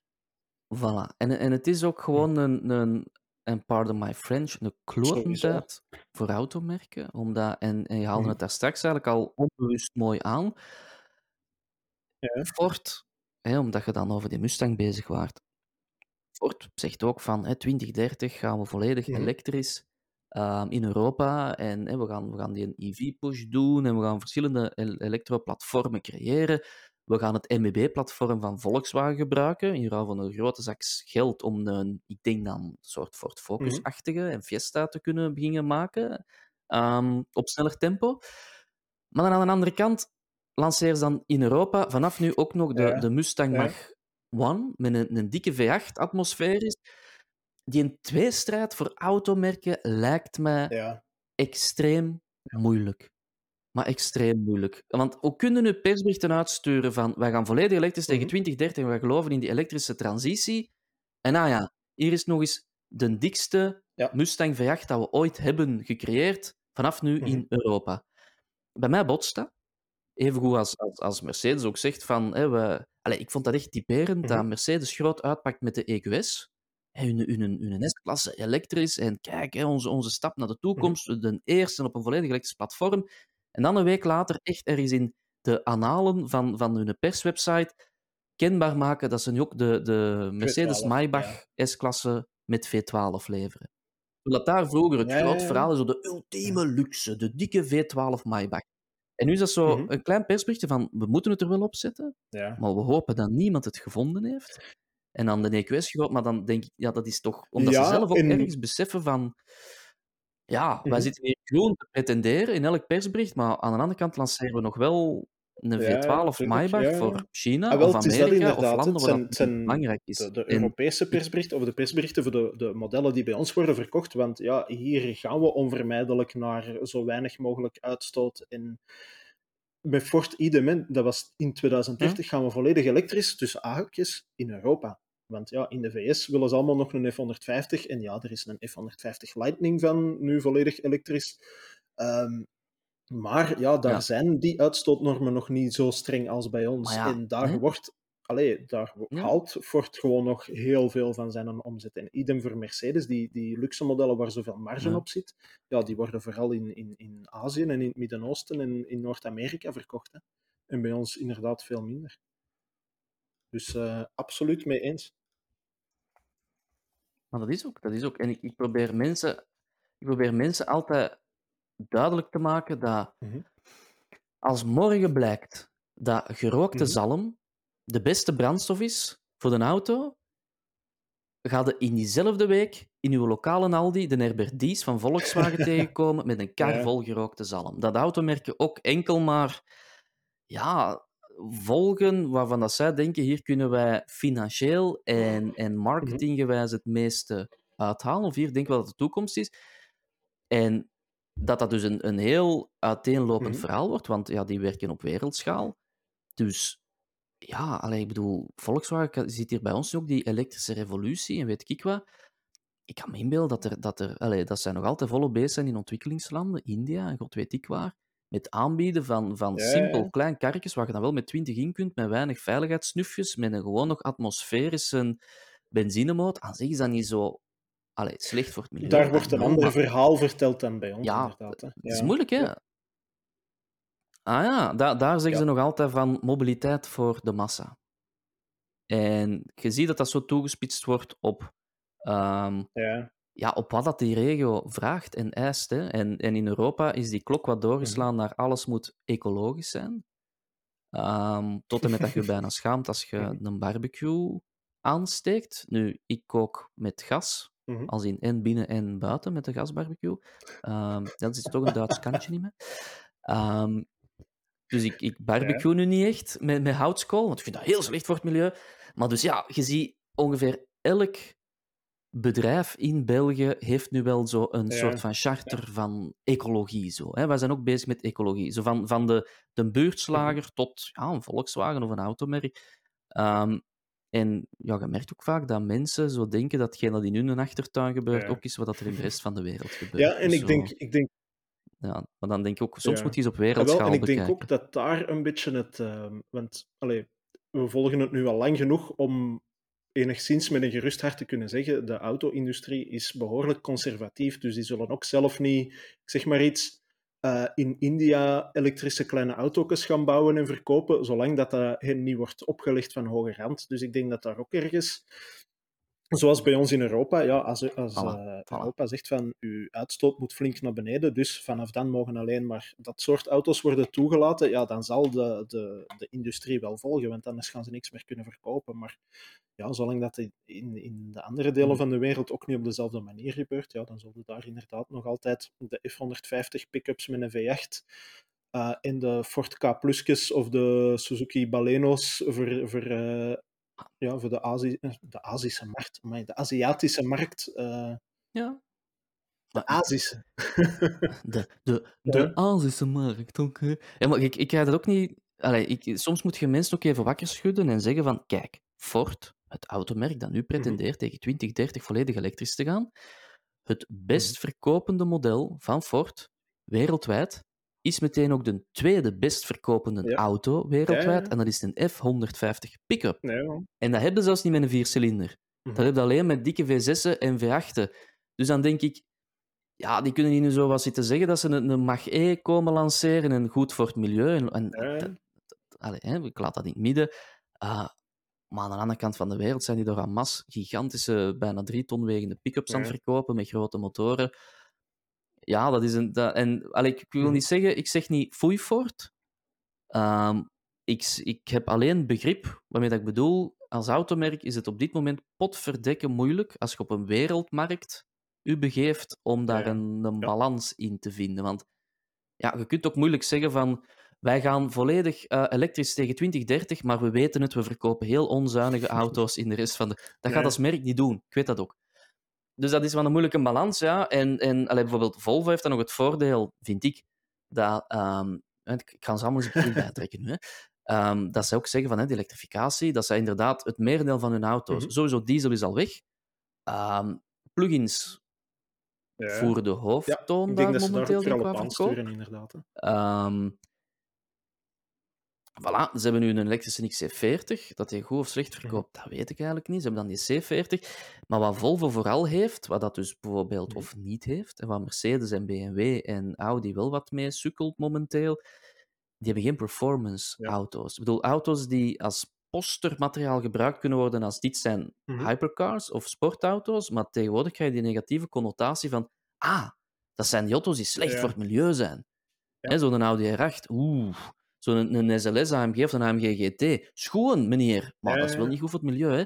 Volvo heeft dat niet echt. Volvo heeft aan zich alleen maar ja, relatief groene auto's. Dus Ja. dat is wel een, een voordeel van Volvo. En daarom hebben ze die marge wel, of hebben zij denk ik minder die tweestrijd, dat ze ook nog een soort van cliënteel moeten bedienen die verwachten nee, dat, klopt, daar een dikke klopt, absoluut. V8 sportauto Nu, nog ehm, staat. En ja. Audi heeft dat nu Ja. mooi opgelost Ja, met de zie, GT. zie naar Porsche bijvoorbeeld ook. Hè. Eh, want De daar Taycan is hun van, meest kijk, een- verkopende model. Ja, ook natuurlijk omdat dat eh, een pak interessanter geworden is voor, voor zelfstandigen en bedrijven en weet ik wat allemaal, om er zo een te kopen. Maar ja, dat is ook gewoon een steengoeie auto, hè, de Taycan. Dus ze hebben daar ook laten zien van... Ja. Er is trouwens een, een grappig verhaal rond. Een, een leuk wist je datje. Ja, ehm, ik had het destijds bij Audi over. Ik heb Mhm. vorige week de Q4 e-tron gaan rijden. Dat is de ID4 of de Skoda Enyaq van Audi dan. Ehm, en de prijs, allee, het prijsverschil is zo miniem. Maar, en, en vooral ook onderhuids zijn dat Ja. gewoon exact dezelfde auto's. Dus het is nu moeilijker dan ooit om te verantwoorden dat dat hè, een Audi, dat je meer zou betalen voor die Audi, want onderhuids is het nu echt wel knalzelfde Ja, ja, ja. auto als een Skoda Enyaq, terwijl dat je vroeger nog kon zeggen dat een Audi A4 nog wat anders was dan een Superb Mhm. onderhuids en qua interieurtechnologieën. Ehm, maar blijkt dus dat veel klanten zeggen van, Mhm. kijk, ik moet amper Ja. bijbetalen en dan heb ik een Audi. Dus dat er zo'n soort van, weet je, ik ga niet met een Skoda Mhm. rondrijden. Als ik iets bijbetaal, heb ik wel een Audi. Ook al is dat hetzelfde Ja, onderuit. ja. Hè? Maar dus dat merksnobisme dat dat blijft bestaan. En ehm, ik was zoiets wat gaan doorvragen aan, aan andere mensen. Nu, Mhm. zeker met een Audi e-tron GT, je hebt ermee gereden, ik vind het ook een geweldige goede Ja. auto. Die is Ja, iets klopt. goedkoper dan een Taycan, denk ik.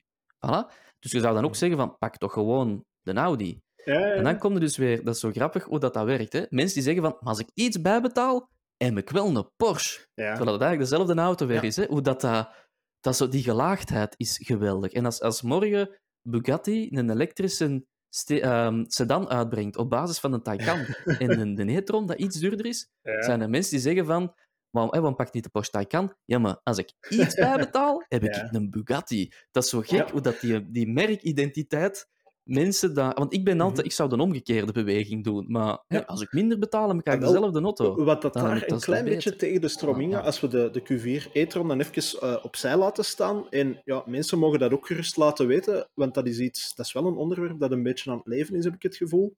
Dus mensen mogen dat gerust laten weten wat dat hun voorkeur zou zijn. Maar tussen de Skoda Enyaq en de Volkswagen ID4. Je Hm. zou denken, de natuurlijke volgorde van de voedselketen was vroeger ja, een Skoda, maar als het kan, is een Volkswagen wel interessanter. Of is, is dat toffer, want dat staat beter op de oprit. Maar Ja. ja, de, de ENIAC, allee, ik heb ze met alle twee gereden ook ondertussen. De, de ENIAC is een iets aangenamere auto, vind ik, omdat hij niet zo dat, dat minimalistische back to basics van de ID4 heeft van binnen. Dus dat is een heel aangenaam interieur. Voilà. Dus van binnen Ehm, geen koelkast. En hij is ook een fractie comfortabeler, heb ik het gevoel. Dus dat, dat sluit veel meer aan bij een klassieke auto. En er zijn heel veel eh, mensen die van het werk een auto hebben, die nu moeten overstappen op. Ehm, een hoop ex-collega's bij Mediahuis hebben mij dat ook al gevraagd. Van ja, zeg, eh, wij moeten binnenkort onze Tiguan teruggeven en inruilen voor eh, een ding. Maar ja, een ID4 of een ENIAC, wat zou jij aanraden? En ja, dat zijn mensen die dus van de klassieke ineens naar een elektrische willen gaan. En ik denk dat Skoda daar wel een serieuze, ja, een serieus stevig dingen heeft. En ik ben heel benieuwd hoe dat, dat gaat evolueren. Als blijkt dat die heel veel ja, cliënteel van de ID4 gaan, gaan aantrekken of, of inpalmen enzovoort. Dat gaat volgens mij wel iets interessant worden. Dat is ook wel, ja. Maar dan moeten we denk ik ook weer...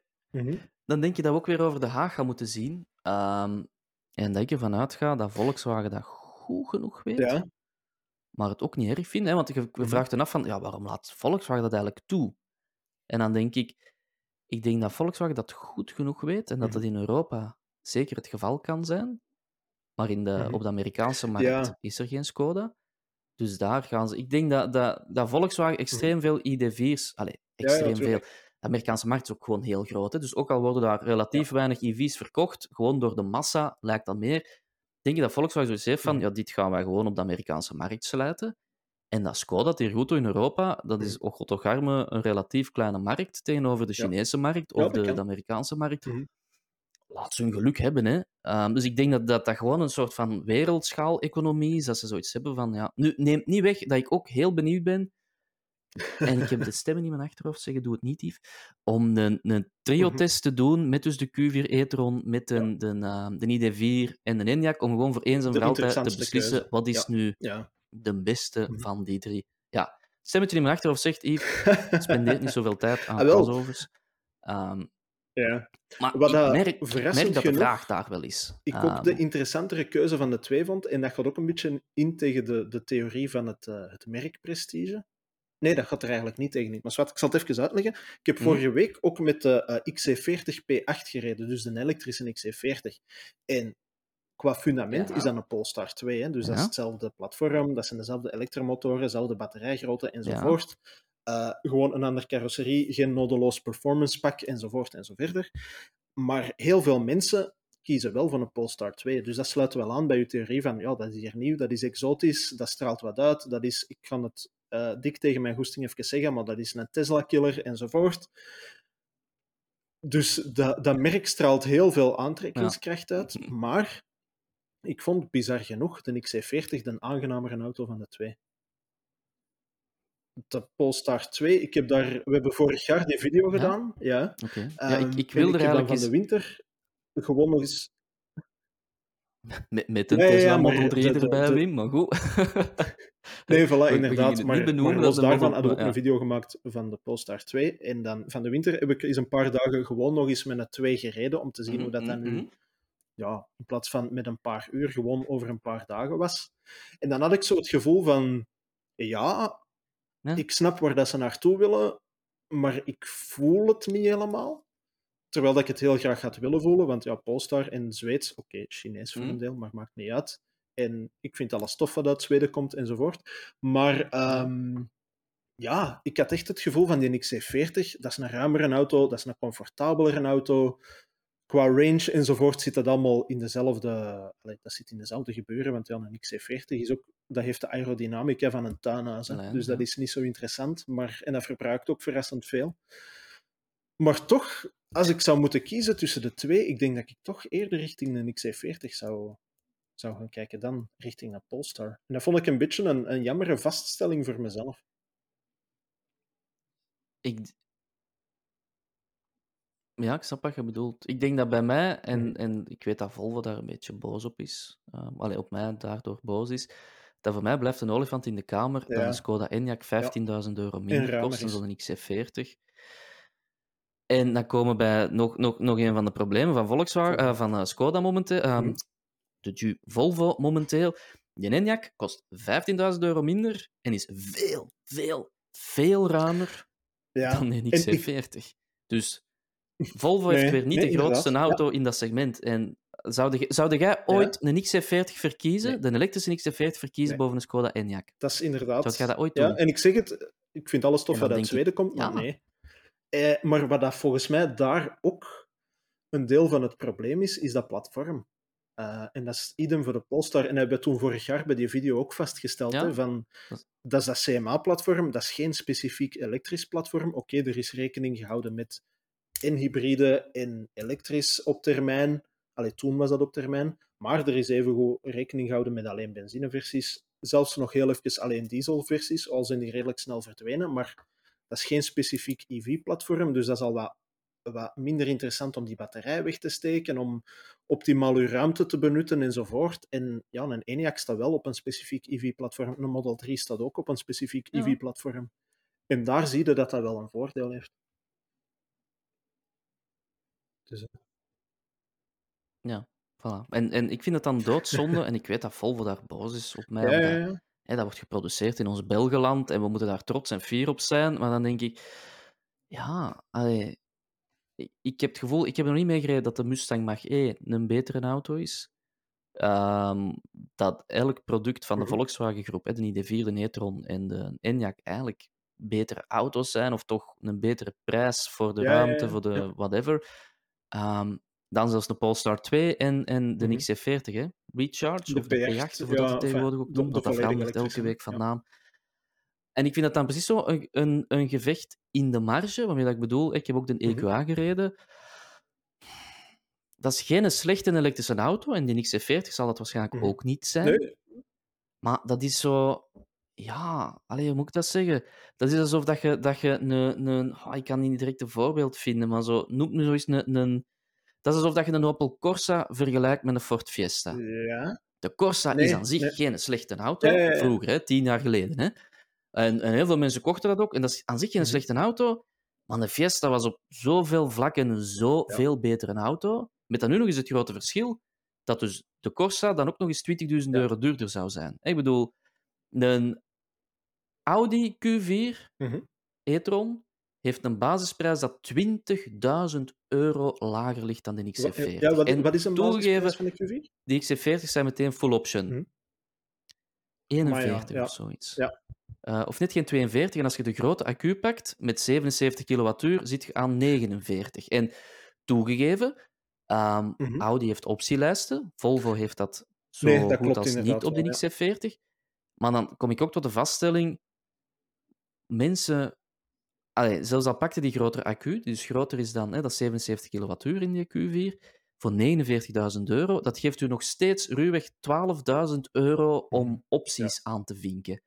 Ik denk dat je er dan wel komt, Mhm. zelfs bij Audi. En dan kunnen nog zitten kruggen over, ja, maar de XC40 heeft nog wel die en die en die opties, maar dat is het eeuwige verhaal dat ik met automerken ook voer. Je kunt morgen een Dacia Duster lanceren, dat je zegt van, hier zit nu Mhm. eens alles op van 30.000 euro, en dit is onze basisversie, maar je krijgt wel veel meer dan de vorige. Maar als mensen geen 30.000 euro hebben, Ah, ja. stopt het verhaal. Ja. Zo simpel is het. Je moet een, een, een auto betaalbaar houden. En ik denk dat daar de Volkswagen-groep het heel slim gespeeld heeft, want ik heb de Mhm. basis Q4 Ja, toen meegenomen, met stoffen stoeltjes. Ehm, ja, allee, en, en ik denk dat die zelfs samengesteld was tot een prijs dat net onder een XC40 zat. En buiten die stoffen stoeltjes had ik echt zoiets van... Want Audi excuseerde zich en zei van ja, je moet toch nog eens naar een andere komen zien, want in deze heeft het klein infotainmentscherm. En ik keek echt aan en ik dacht van, het klein infotainmentscherm? Ja, daar zitten zo nog wat zwarte randjes, want zie je, dat was echt al Ja, ja, ja. een galet. Maar er zat inderdaad dan Een zo nog aan, een, een, een streepje, zo, en de Ja. andere ging dan zo nog net tot tegen de rand. Maar echt, pff, dat is niet dat je ineens zo'n schermpje hebt. Ehm, en dan denk ik ook, ja, mannetjes. Allee, ik snap hun, want hè, I know, maar dan, ik probeer dan ook altijd tegen hen te zeggen van, mannetjes, trekt u niet te veel van aan, want er staat nog een 20.000 euro duurder in XC40 ergens anders. En Ja. ja, je, hebt, je hebt wel wat wiggle room. Ehm, Hm. En ik vind het zonde, hè, want ik ben pro-Volvo, hè, V90, top, hè, maar die XC40, die dat dan spijtig Ja, ja, ja. Ja, gebouwd wordt. Allee, in die zin dat ik bedoel, ik zou er fier op moeten zijn. Ik voel hem niet. In geen enkele versie. Ik heb de plugin ook afgekraakt. Ik heb er ook veel voor naar mijn voeten gekregen, maar ik vond die gewoon... Ik vind dat een kleine auto dat niet zo goed reed als heel veel andere goede plugins. En dan denk ik, waarom zouden dan veel betalen buiten de merknaam? Maar ik weet niet dat Dat, mensen dat hebben ze de laatste jaren wel goed voor elkaar, natuurlijk. Ja, allee... Misschien wel, maar... Ja, want ik vind de, de V90 en de S90 en de, we hebben Mhm. nog de Ja. XC60 plugins wel goed, hè? Ik vind gewoon dat driecilinderke met die plug-in-aandrijving, ik vind dat echt rijden als een, een opgefokte... Ik vond dat toen eigenlijk een, een Puma ST al. Heel opgefokt. Ja, als je, als je mij vraagt, wat wordt de toekomst van de Puma ST Mhm. met, met Ja. ehm, plug-in-aandrijving? Pak eens gewoon Ja. een XC40 plug-in mee. Dat was echt zo... Dat deed niks. Mhm. Alleen nee, dat deed niks, dat reed elektrisch. En als ineens die, die een benzinemotor aansprong, was dat echt ineens zo... Zo direct zo 300 per uur. Zo alles wow, wow, wow. En cool, hè? Sportief, hè? En ik weet dat er andere media dat geweldig vonden, maar dan denk ik... Het is een Volvo, hè, mannetjes. Ja. Ik wil... Ja. Ah, een zeemzoete ervaring in mijn veilige kokon.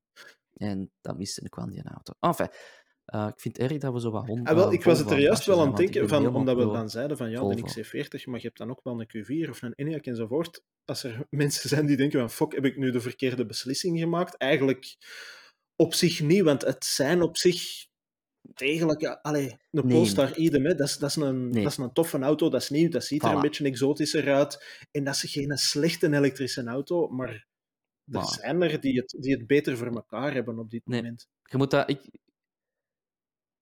Voilà. Ja, maar weet je, dat is ook zo... Je moet denken gewoon... Als je in een restaurant Ja. zo een goede friet stoofvlees, een goed klassiek gerecht, daar kun je eigenlijk weinig mis mee doen. Dat komt toe en je denkt van, mm, lekker. En dan leveren ze naast u echt zo twee kilo ribbekjes zo, met, met je ziet gewoon goede glanzend, krokant laagje erop Ja. en je denkt van, Oh, dat is ook lekker. En dat kost dan ook 20.000 euro minder. Um, Ja. da- dat is het verhaal zo. Hè. Uw, Ja, uw, friet met stoofvlees is niet slecht, hè.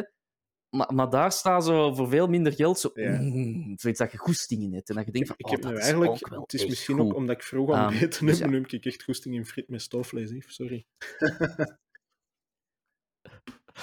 Ja, eigenlijk is de mop, ik eet massief veel vegetarisch tegenwoordig. Dus ik heb Ja. helemaal die drang naar vlees niet meer. Zo. Maar ik, ik zie het toch wel. Als ik het dan zo zie verschijnen, dan denk ik, mm, ja, dat ziet er lekker uit. Dus dat is waar. Maar het zijn geslechte auto's, maar ik vind wel dat het Om- om te onze zeggen dat taak er- moet zijn om dat... ja, en om toch te zeggen echt dat wel duidelijk te maken. Voilà, die, die het wel er zijn beter betere alternatieven. Nu, ehm, we zijn al een hele tijd aan het ranten ondertussen, hè, maar misschien moeten we voilà. stilaan toch richting het einde gaan en afsluiten op een iets Mhm. positievere noot met eh, de rubriek die ik een tijdje geleden geïntroduceerd heb. Ik wou eerst nog één, één voor, voordat je verder gaat, Wim. Oei, Ik wou nog één om droom toch van niet even een positieve noot. eh, Ja, Dan kunnen we... ja, Dan mogen we eindigen. Ik ben er droom. klaar voor. Nee, voilà, nog één. Nee, een, een, interessant, een interessante vaststelling. Ja, ik was eh, gisteren door de cijfers, de inschrijvingscijfers aan het gaan van, van België, de auto's die ingeschreven worden, de verkoopcijfers. Ehm Ja, ja. allee, de inschrijvingscijfers zijn dat, hè, want je mag niet verkoopcijfers. En dus, omdat je in het begin zei van ik heb met de, De Subaru eh, Swallowback gereden. Ehm, Mhm. Ja, MG heeft al dit jaar meer auto's ingeschreven Ja. dan Subaru. En ik vond dat wel... Ik moest even zo van... huh, een vrij hallucinante vaststelling. Mhm. Dat, is zo het, het vrij, hè, dat is nu twee jaar hier op de markt, MG, en dat heeft Ja, enkel een elektrische crossover en een plug-in hybride. Ja. Meer auto's dan Subaru, dat er hier al zo lang is. Mhm. En waar dat, laat ons eerlijk zijn, Wim, dat jij en ik Ja, ja, fan zijn tuurlijk. van het merk en Maar dat- dat, dat- voor staat. Ik zeg dat ook altijd als ik het er met mensen Allee. over heb van. Oké, het zijn fiscaal zijn dat echt heel moeilijke auto's. Hè, met hun 2,5 liter atmosferische boxers met vierwielaandrijving Ja. enzovoort. Ja? En er zijn een hoop dingen dat ze zeker beter voor elkaar kunnen hebben. En oké, de Subaru dealers, ja, als je er ene per provincie hebt, zal het bij wijze van overdrijving al veel zijn. Maar het product op zich, of wat dat ze willen doen, en hetgeen dat je krijgt, los van dan de, de, de fiscaal niet zo interessante dingen, is echt wel, allee, dat is built to last en dat is wel, dat zit wel goed in elkaar. En ehm, ik heb het er met, eh, ik, ik ga hem ook even een shout-out geven, eh, de Luc van Subaru ook over gehad. En die zei van, ja, we wachten eigenlijk ook gewoon vooral tot de Solterra. Ik heb even de naam opgezocht. Hm? Dus die een elektrische Subaru volgend jaar. Ja. En daar ben ik dan ook Dat wel de benieuwd naar van in hoeverre ja. dat, dat iets zou kunnen veranderen. Ja, ik vond het, ik vond het frappant Ja. een boost gaat kunnen geven. Hè? Omdat, ik vond het vooral zot, omdat ik, ik hoorde Mhm. laatst, blijkbaar is de stelregel in België, vanaf dat er duizend exemplaren van een model verkocht zijn, Ja. begint je het zo te zien in straatbeeld. Mhm. Dat is zo blijkbaar een, een, een balans. Vanaf er duizend exemplaren van een model verkocht zijn, dus C4 of hè, weet ik wat, of, of, een Audi A4 of een BMW, dan Ja. begint dat zo in straatbeeld af en toe te zien. Ik denk, ah ja, Subaru heeft dit jaar de eerste vijf maanden, Mhm. vier maanden, want ze rekent tot... Nee, vijf maanden, hè, tot mei. 169 auto's verkocht in totaal. Ja. En je hebt er duizend van een model nodig om het überhaupt in het straatbeeld te zien. Dus met andere woorden, Subaru zou ruwweg, eh laten we dat dan nog verdubbelen, dan, Mhm. dan draaien ze zo wat 300, 400 auto's per jaar. Zou dus eh, bijna drie jaar nodig hebben. En dan hebben we het nog over, als ze maar één model zouden Ja. verkopen, voordat het opvalt in het Ja. Straatbeeld. dat, heeft, dat heeft wel voor hun een positieve ja, keerzijde zot. gehad. Want die Zot. hebben, ik weet niet of het nu nog kan, maar ehm, vorig jaar voor de, de CO2-cijfers voor Europa, die hebben het uitzonderingsstatuut van, eh, van supercar-constructeurs Ah. kunnen gebruiken. Ah, wel. Ja, ja, dat is zalig. Die verkopen Ah, wel, minder auto's dan daardoor moesten die nog niet direct aan de strengste dingen voldoen en hadden ze nog een klein beetje marge om, om voor te kunnen. Nee. Dus eh, nee. Ja, Ja, maar 169 auto's. En, en MG zit nu, ik ga je snel de cijfers bekijken, Ja. aan 252. Dus procentueel gezien is dat, ik wil zeggen, Nooit goed 50% geweest in meer ongeveer. Hè? En de, allee, die verkopen... Ja, ah, oké. Ja, daarom dat je een begenadigd schrijver geworden bent, Wim. in iets Ehm, waar ik toch matig het voilà. best in was. Allee, dan denk ik, die zijn hier... Die zijn hier twee jaar, die verkopen enkel een, een crossover en een, een plug-in, waarvan dat ze zelf ook zeggen van eigenlijk kan de verkoop nog wat beter. En die toptrumpen Ja. ehm, Een, Ja, merk dat al jarenlang... En, ja. en bij uitbreiding trouwens ook nog Ah, Cupra. ja. Ja, er, Ja, Cupra doet het, Cupra doet het trouwens ook beter dan Subaru, hè? wist je dat? Je? ah, wel, daar hebben we het inderdaad nog niet over gehad, maar misschien We moeten we zijn dat de eerste vijf ehm, maanden van de dit volgende jaar- keer eens doen over inderdaad, ja, Ja. Cupra, hoe doen zij het? En dan-? Maar- Ja, ja, ja. Slu- sluit het af. Haal je Ah, milde wel, nee, irritatie ik boven. ging het met de, de tweestrijd doen, dus de positieve noot om af te sluiten. Dus het dilemma waarbij dat jij dan moet Ah zeggen ja, ja, ja, ja, eh, welke dat je zou overhouden en een andere darling tussen aanhalingstekens wel even het raam uit moet flikkeren.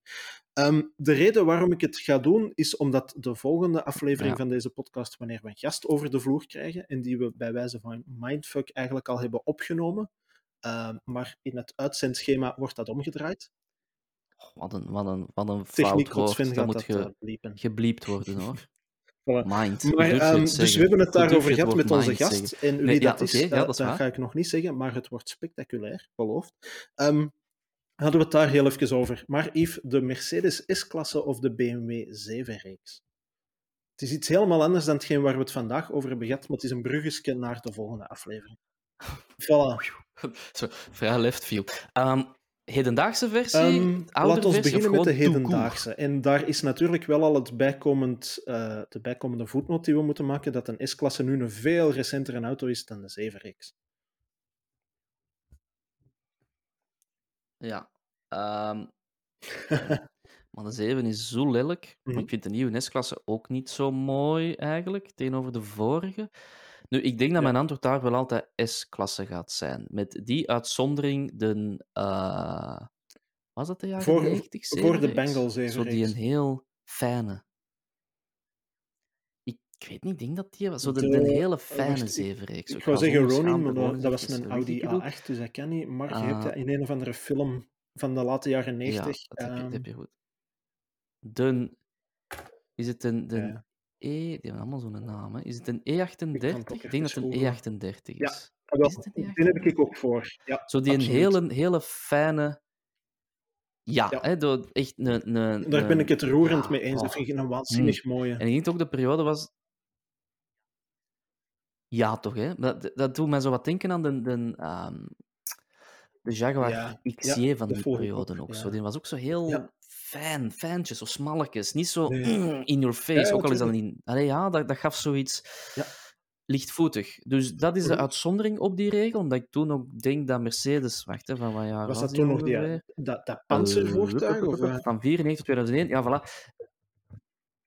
Dat was ook zo de periode dat, dat Mercedes hun meest zwaarlijvige S-klasse ehm, aanbood, waarbij dat de designer toen, allee, de designer later ook gezegd heeft van eigenlijk konden we het beter, als in we konden onze raamlijn echt wel fijner maken. En we hebben dat niet gedaan, hij, zou dat Ehm, anders gedaan hebben Zo nu. met, met V12 zo op de Ja. flank, zo nog als Ja. Ja, ook zo wat dat die achterlichten al ge, ge- ja. Mhm, En dat die achterlichten al zo geconnecteerd waren met de witte, Ah, witte ja, stroop. ah, ja. Zo.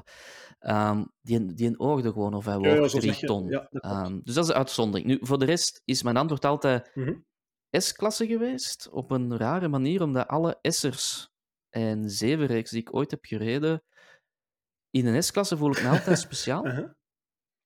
En voor mij voelt een 7-reeks aan als een meer comfortabele 5-reeks. En dat is een gigantisch mooi compliment, want puur qua rijden, als je in een 7-reeks stapt, vergeet je heel snel dat dat een grote limousine is. En die rijdt Mhm. eigenlijk gewoon als een 5-reeks. Ik vind dat een geweldig mooi compliment. Ehm, maar daar tegenover staat wel, omdat dat zo aanvoelt, heb je gewoon het gevoel dat je in een heel goed aangeklede 5-reeks zit. Terwijl in een S-klasse, dat is gewoon een boot om mee te rijden. Dat, ja, daar voel je zo toch... Je, je voelt je gewoon beter dan Je voelt je beter dan de rest in de S-klasse. En met een, met een, met een 7 heb ik dat. Dat is beste oh, dan echt. En een, ja, met een 7 Ja, heb ik dat wat ja. minder. En dan, voilà, en dan denk ik van, goh, weet je, als je dan toch de limousine, de toplimousine van het merk koopt, wilde toch niet tegen mensen kunnen zeggen van "Hm, ja, maar dat rijdt zoals de 5-reeks. Dan denk ik, nobody cares. Je wilt toch echt zeggen van, ik voel mij gewoon Ah, beter wel, dat is voor mij ook het En- doorslaggevende Allee, argument. Zo die die, die erg, mate van speciaalheid dan een S-klasse heeft tegenover een 7-reeks. Dat is inderdaad zo. En ik had er wat schrik voor bij de nieuwe, toch, omdat ja, ze hebben er dan die galetten van schermen in geïnstalleerd. En ik ben court geen fan van schermen. Mhm. Ehm, en ja, de, de 7-reeks heeft dan. Ja, dat is echt... Ik ben, Oude, oude ik ben man Wim. 37, ge- Oude man Ah, wel, ik ben roept naar de 37 schermen. geworden Dat is en ik allemaal kan niet te meer om met complex voor mij. technologie. Al Voilà. dat swipen. Ik heb ook een nieuwe browser moeten installeren om deze podcast te kunnen opnemen. Stel je voor. En daar de hulp ik van techniek dat. God Sven voor gekregen. Ah, wel. Nou, Ik wat? heb eerst moeten opzoeken wat het browser. woord browser betekende. Wat is dan Voilà. een browser? Wel, een Ehm, Internet Explorer. En wel, inderdaad. En Nee, het maar is zo, je hebt inderdaad, 100% ja, de- de- gelijk. ja, Uh, nee, je was aan het met de vertellen dat je, schermen dat je inderdaad bang was. tegenover ja, de zevenreeks heeft dan zo het klassieke dashboard nog, met dan zo ja, mooie knopjes voor Hm? de airco, en ook al zit daar ergens een schermpje in, ik weet het, maar ook nog een draaiknop op de middenconsole om je scherm te bedienen, en dat ziet er allemaal wat klassieker uit, en dat is bewezen dat dat werkt, en, en dat is schoon, en dat werkt goed, enzovoort. Dus ik had wat schrik met die S-klasse, Mhm. vooral omdat ik de vorige S-klasse ook een waanzinnig goede auto vond. Maar ik kon er Ja. verrassend goed mee om met die schermen. En dan dacht ik ook van ja, oké, no contest, de S-klasse weer al. hè. Ik vind de, en dat, dat klinkt heel raar, De nieuwe ik vind de nieuwe niet beter. Ja, nee, Als in, als je met, de- ja, als je met een oude rijdt, heb ik nu niet het gevoel van, mannetjes, ja echt, wel, ik heb er ook lang nog moeten zoeken van, van wat maakt de nieuwe S-klasse nieuwe- beter dan de vorige. Want ik denk dat dat ook het uitgangspunt in de video toen was van... De vorige heb ik ooit gezegd van, dat is al een auto als je het kunt betalen natuurlijk, want ik kan het niet betalen. Eh, maar dat is al een auto die dat je ooit gaat nodig Ja. hebben. Dus wat maakt de nieuwe dan Nee. beter? En ik heb er heel lang naar moeten zoeken. En het is gewoon ja, hetgeen waar dat alle merken nu op inzetten. Hè. Zo de, de, de technologie, de AI, de weet ik wat. En dat is iets waar dan nu keihard aan gewerkt wordt. Hmm. En ja, dat is de oude man in u dan, Yves, waarschijnlijk, dat zegt van "Oh, AI, maar dat werkt. Allee, zo de, dat gaat hard en, en dat is ook wel nee, iets interessants denk- waar dat dan naartoe gaat.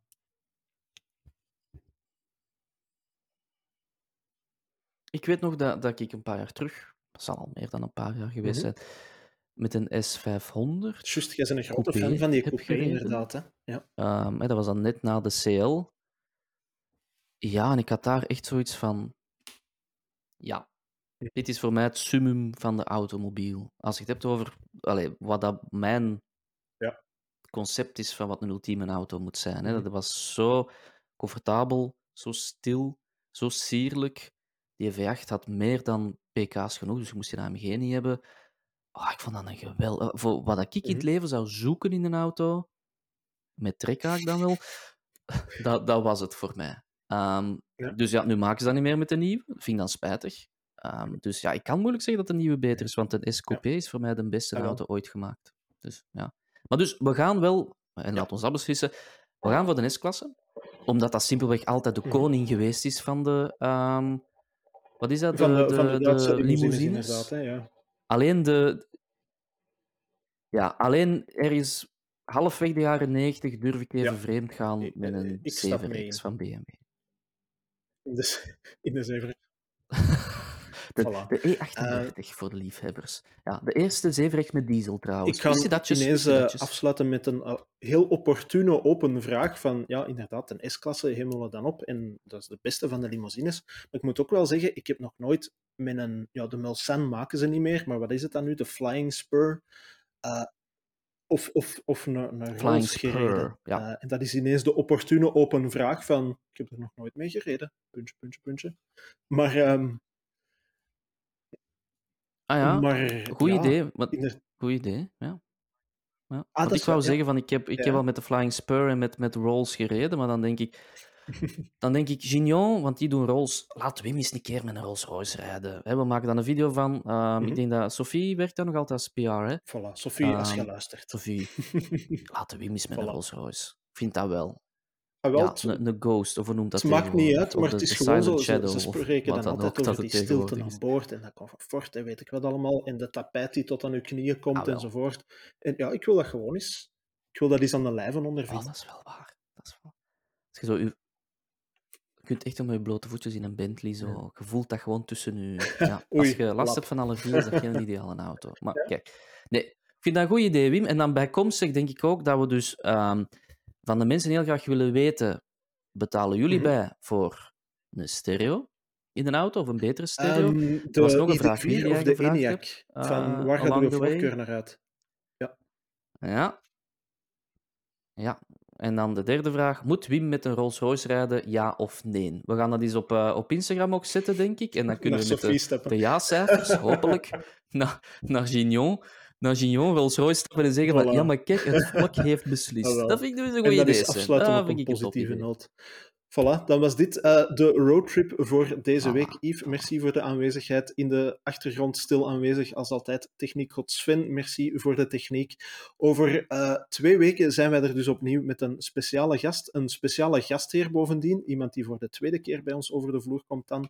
Um, als je de sociale media bij ons in de gaten hebt gehouden, dan weten al eigenlijk wie het is. Maar voor de rest ga ik er nog niets over onthullen en opnieuw zeggen dat het spectaculair wordt. Maar dit was dus Roadtrip voor deze week. Bedankt voor het kijken, bedankt voor het luisteren en tot over twee weken.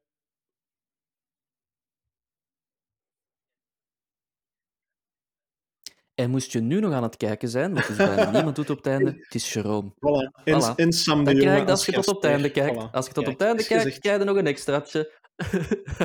het is Jerome en Sam de Jonge. Dankjewel om tot op het einde te kijken. Dag.